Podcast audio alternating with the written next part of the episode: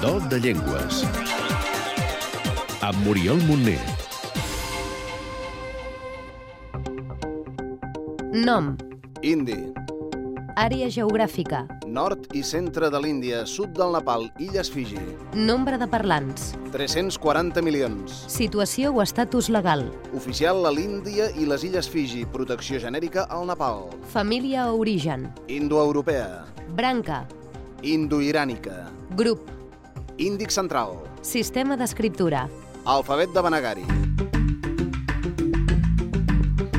L'indi és, amb l'anglès, llengua oficial de tot l'Índia i, a més, la llengua nacional d'aquell país, que en reconeix fins a 22 a la Constitució. És evident que en prop de 340 milions de parlants té un estat de salut envejable. Samer Raval és escriptor i traductor de l'indi al català. El que passa és que és una llengua que té un número molt alt de parlants i per això hi ha molta varietat dialectal i en, al mínim hi ha 50 dialectes de hindi. La llengua va bé, però té moltes influències externes, per això fa falta també una mica conservar-la. Com sempre que parlem d'una de les llengües amb més parlants del món, en l'indi tot és molt gran. El nombre de parlants, el de dialectes... Ara sentíem que en té uns 50, que aviat és dit, tot i que tots s'apleguen en 5 grans grups. No tots són intercomprensibles i, per tant, per entendre's, cal recórrer a l'indi estàndard.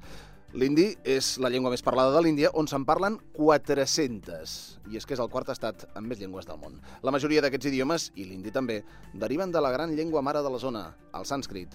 Tot i això, l'Índia ha rebut molta influència del persa i de l'àrab. Un exemple. Darvasa, per exemple, és una paraula que ve d'àrab. Darvasa és porta. Ah, i si l'indi també es parla a les illes Fiji és perquè els anglesos hi van dur treballadors de l'Índia. La llengua allà, però, és força diferent. Per cert, l'indi no era la llengua materna de personalitats índies tan conegudes com el Mahatma Gandhi o l'escriptor Tagore. Entre 400 llengües hi havia força possibilitats que en tinguessin alguna altra de materna, oi?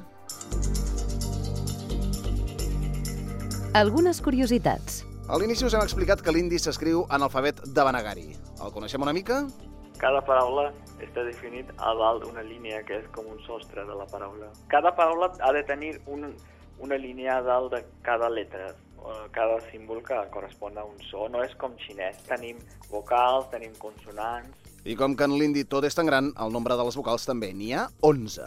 E, A, I, I, U, U, E, E, O, O, RI. L'última es considera una vocal, tot i que, com deveu haver notat, té com una R al principi.